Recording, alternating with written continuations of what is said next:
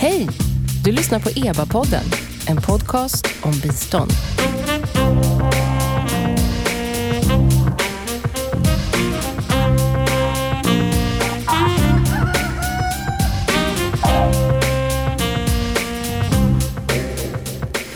Välkomna till EBA-podden. Jag heter Nina Solomin och EBA det är en akronym för Expertgruppen för biståndsanalys. Och I förra avsnittet så fick Jan Pettersson som är kanslichef på EBA säga vad EBA sysslar med. Men det får du inte idag, Janne, även om du är här. Hej, hej. Utan idag så har vi UD här.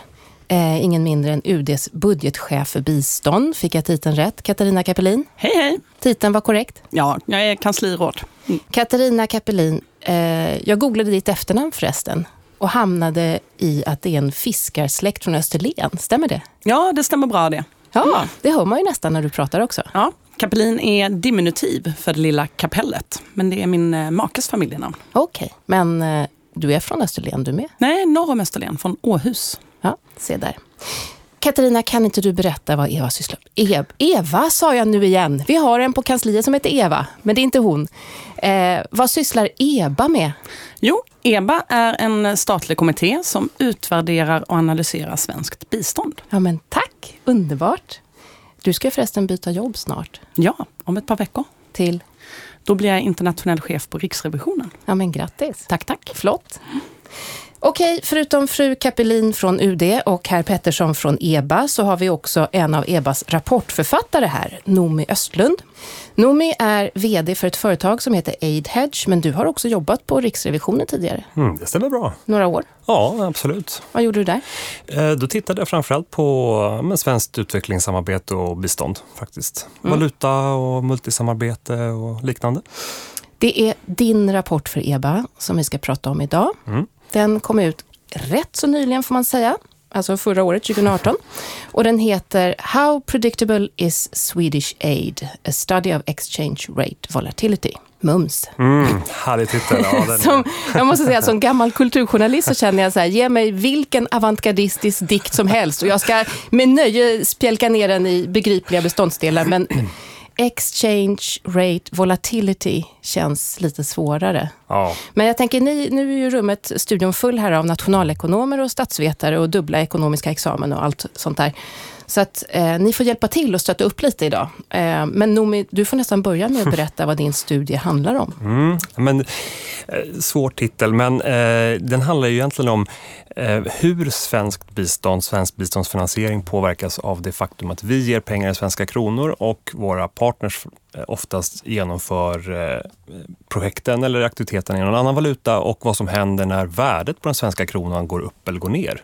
Så att när man efter en, en tid, efter man har fått eh, ett åtagande från Sverige och sen ska man få sina pengar och så har värdet gått ner eller gått upp. Vilket du gör. Eh, valutamarknaden är en, en väldigt volatil marknad och många aktörer jobbar också i eh, exotiska eller små valutor som kan röra sig ganska mycket. Så det kan hända väldigt mycket över tid och rapporten tittar på vad betyder det för våra partners att vi ger det svenska kronor och de jobbar i något annat helt enkelt. Så att de får en summa, mm. nu säger vi 100 kronor, ja. och sen så nästa år när de ska få pengarna utbetalade, då är det 130 kronor. Eller alltså, 70? Ja, alltså för, för dem blir det Om man säger att, låt oss säga bara som ett exempel då, Sida till exempel eh, ska hjälpa till att finansiera eh, mediciner i södra Afrika mot tuberkulos eller hiv till exempel. Eh, och utlovar ska säga, 50 miljoner kronor om året i tre år.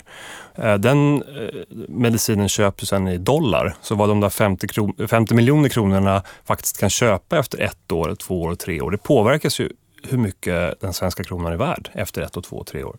Och, och för den organisationen som ska genomföra det här så handlar det om hur kan vi budgetera och planera eh, för en sån osäkerhet. Mm. Vi, vi, ska fördjupa oss lite i detta, men för transparensens skull så ska vi berätta att AidHedge, det här företaget som du nu jobbar med och driver idag, erbjuder lösningar för att säkra valutor inom just utvecklingssamarbeten. Så då är frågan förstås, talar inte du i eget intresse här?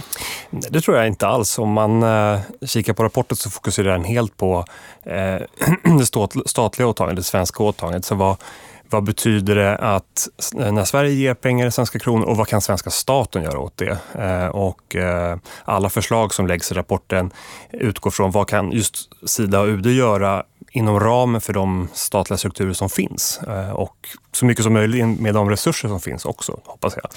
Finns det lösningar in med de befintliga strukturerna? Alltså. Absolut. Ja, men jag, ja. hoppas vi kommer till, ja. till rekommendationerna mycket, men, men eh, den stora slutsatsen tycker jag är att staten har en unik, eh, stater, framförallt en stat som Sverige, har en unik styrka eh, på den finansiella marknaden och kompetens och eh, myndigheter med expertkompetens just på, på Så vad jag for efter var helt enkelt, ja. det, rapporten handlar inte om att vad vi kan göra. Bör, nej, det här är vad ditt eget företag kan göra vi, för eller, någon, eller någon annan heller nej. för den delen, utan det här hoppas vi är saker som som svenska staten och kanske andra statliga givare kan göra helt själva.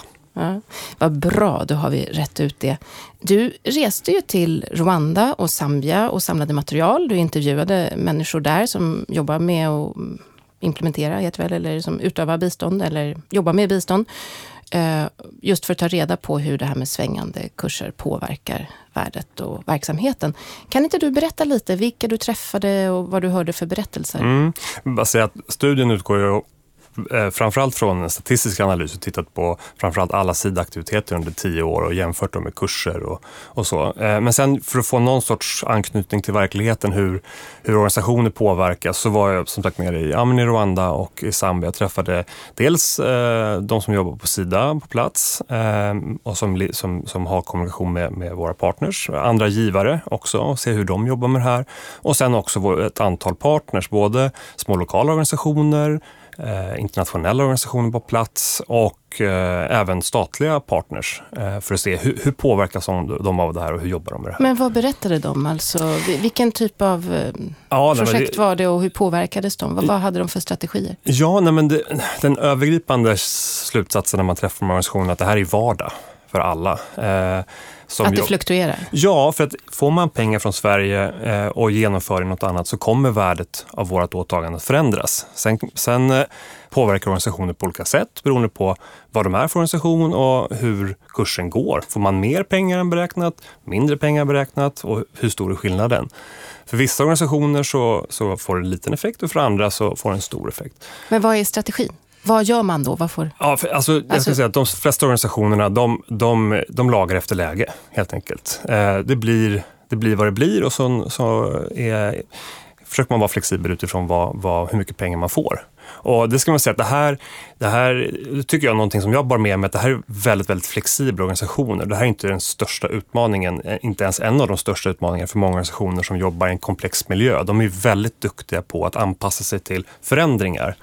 Så att de, de, de lagar efter läge och i vissa fall så när Sverige finansierar aktiviteter då kan man kanske lägga till aktiviteter eller ta bort aktiviteter. Det blir ju knepigare om man finansierar till exempel bara löner. Om man då inte får så mycket pengar man har budgeterat, hur hur betalar med sina anställda. Jag tänkte just fråga dig om de är så flexibla, vad är problemet? Ja, nej, jag men... vill minnas att du hade någonting i rapporten som handlade om att de till exempel underskattar hur mycket de kan leverera och sådana saker. Alltså det kan man väl se att, att uh, många organisationer, de, de, de, som vi tittade på i Zambia och Rwanda, levererade man ungefär mellan 80 85 procent av budget och då har man ju en liten buffert som rullar vidare till nästa år. Och då är det den som påverkas av hur mycket pengar man fick i slutändan. Den kanske blir mindre eller större. Uh, men kan man ju tycka från ett policyperspektiv. Det är intressant att höra vad Katarina säger, men just eh, de organisationer som faktiskt pushar sig och levererar allt som man har sagt i budget och plan, de får ju en större risk för sin finansiering. Så det är en och, strategi att un, under... Ja, jag vet inte mm. om det är medvetet mm. eller om det, det, det, det råkar vara så, men det finns ju inget mm. incitament att pusha sig. Därför mm. att då får man en större risk. Det, det är intressant vore det omvända att säga att om vi genomför allting så får vi snarare mer pengar än att få en större risk. Så. Janne, varför var det viktigt att göra den här studien för EBA? Ge ut denna studie? Ja, men I korthet därför att den här frågan så tydligt kopplar till biståndets genomförande och resultat. Och eh, Frågan är hur, hur, stort det här problemet är och framförallt vad man kan göra åt det är typiska frågor för EBA att uh, studera. Mm. Katarina, eh, du är ju ansvarig för svenska biståndsbudgeten.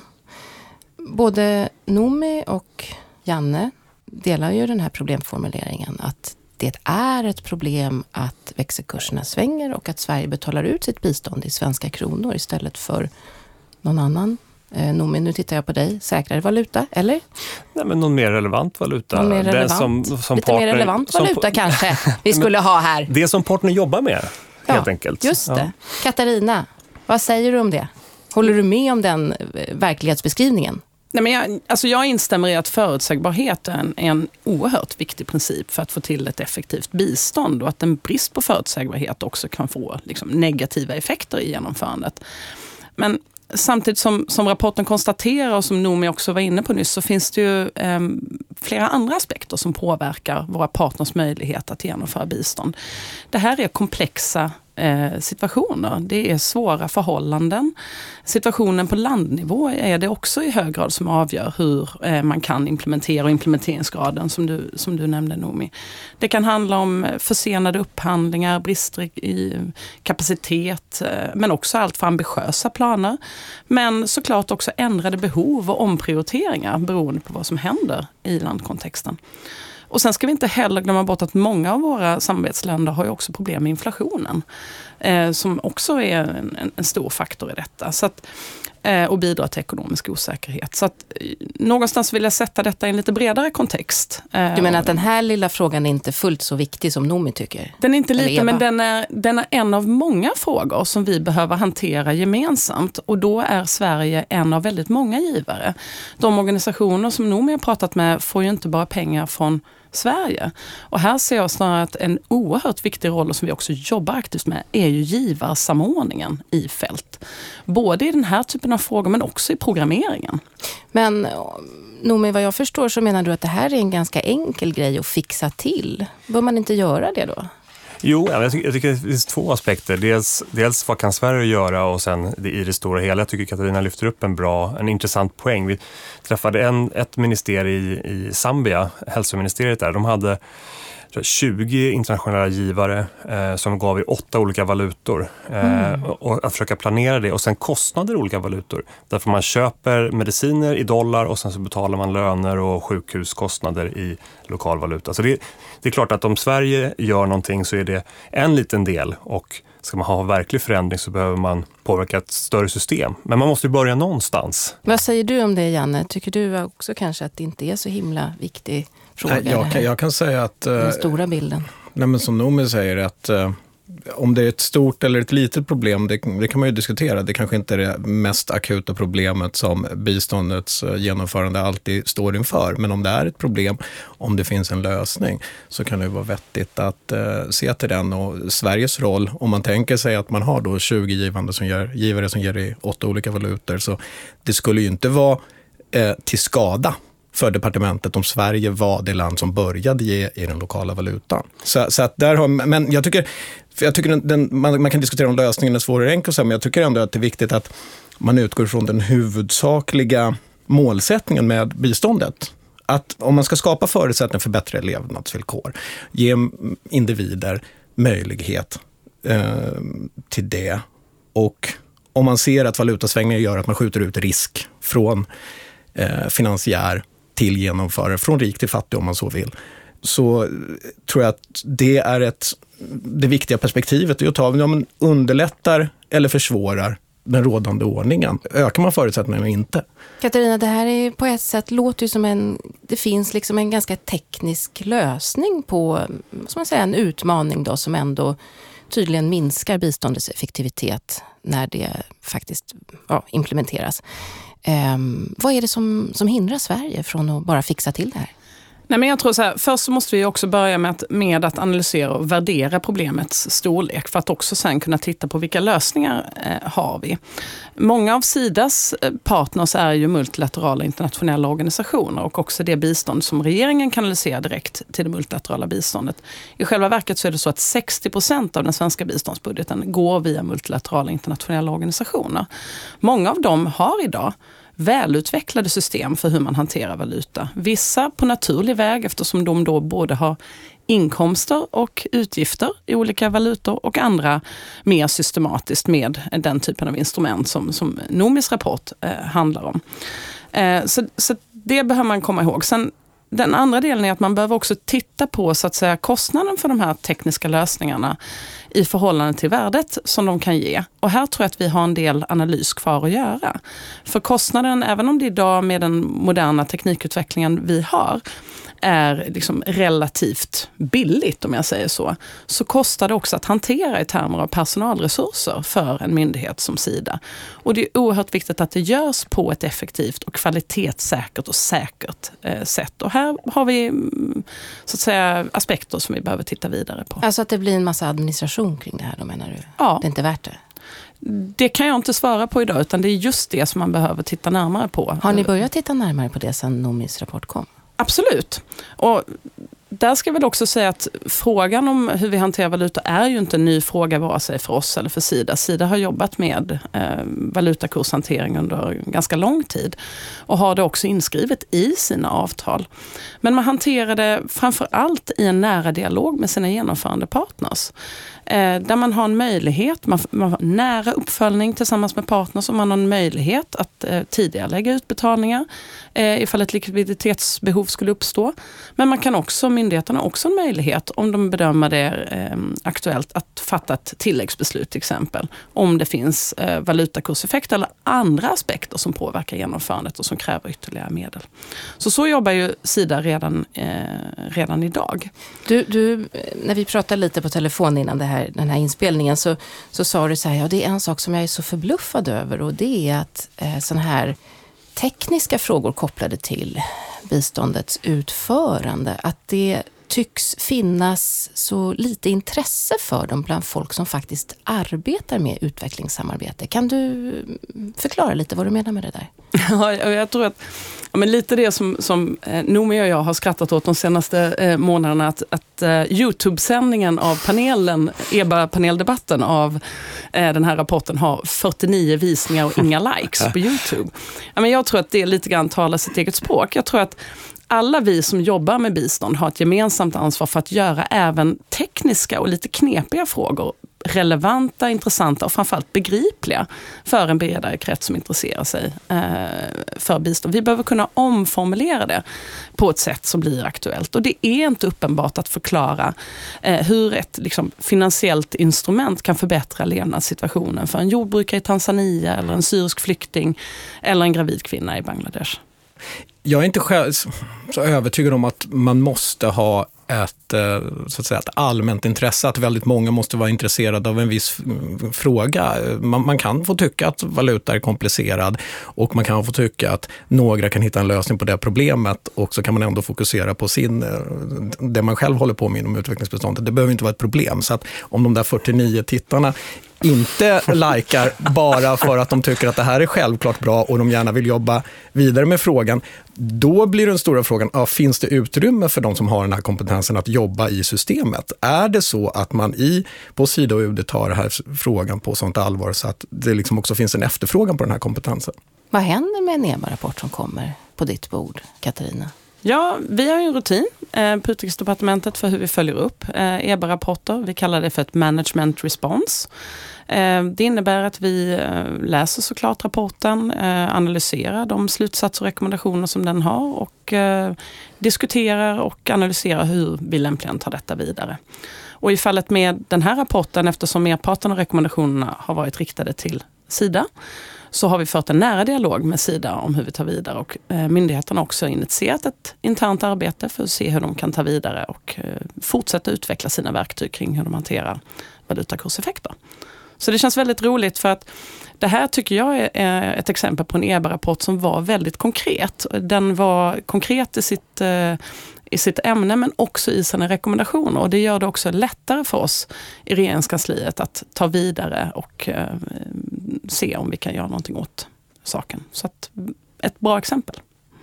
Vi ska runda av, men skulle ni kunna sammanfatta eh, tillsammans varsin viktig poäng utifrån den här frågan om växelkurs, volatilitet och biståndets effektivitet, eller det här samtalet vi har haft.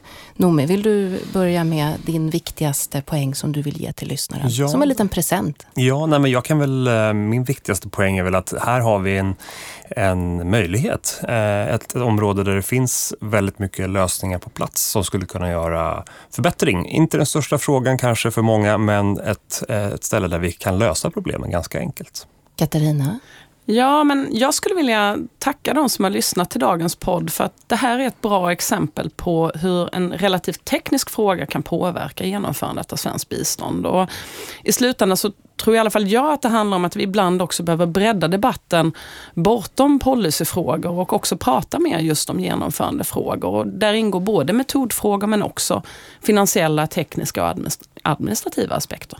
Vill du också uppmana lyssnarna att lajka avsnittet? det kommer i alla fall bli fler, fler än 49 tror jag, i alla fall att döma av de tidigare avsnitten. Janne, din viktigaste poäng? Ja, men det viktigaste idag. var väl egentligen det som Noomi sa, att det kanske inte är den saftigaste frukten i fruktkorgen man vill ha, men den är lågt hängande och ganska lätt att plocka, så då kan man göra det. Men, men eh, jag tycker också det är viktigt att den här frågan överhuvudtaget diskuteras och att eh, den diskuteras på UD och förhoppningsvis på Sida och det ska bli väldigt intressant att se vad frågan tar vägen. Ja, hur tyckte ekonomerna och statsvetarna att kulturjournalisten klarade sig? Högsta betyg. Verkligen. Briljant. Märkt. Underbart. Tack för det. Känns mycket bättre allting nu. Tack Katarina Kapelin, biståndsbudgetchef på UD, snart på Riksrevisionen. Nomi Östlund, statsvetare och VD på Aidhedge. Och Jan Pettersson, nationalekonom och kanslichef på EBA, som ju ger ut den här podcasten. I de kommande avsnitten av EBA-podden kommer vi att prata om rysk avantgardistisk poesi. Nej, jag bara skojar. En massa andra rafflande saker blir det. Det blir ägarskap, ägarskapsprincipen, vem äger biståndet och hur, varför. Budgetstöd, jämställdhet kommer vi prata om och faktiskt också djurhälsa, bland annat. Prenumerera gärna på oss i mobilen. Glöm inte att tipsa era kollegor och bekanta om att vi finns.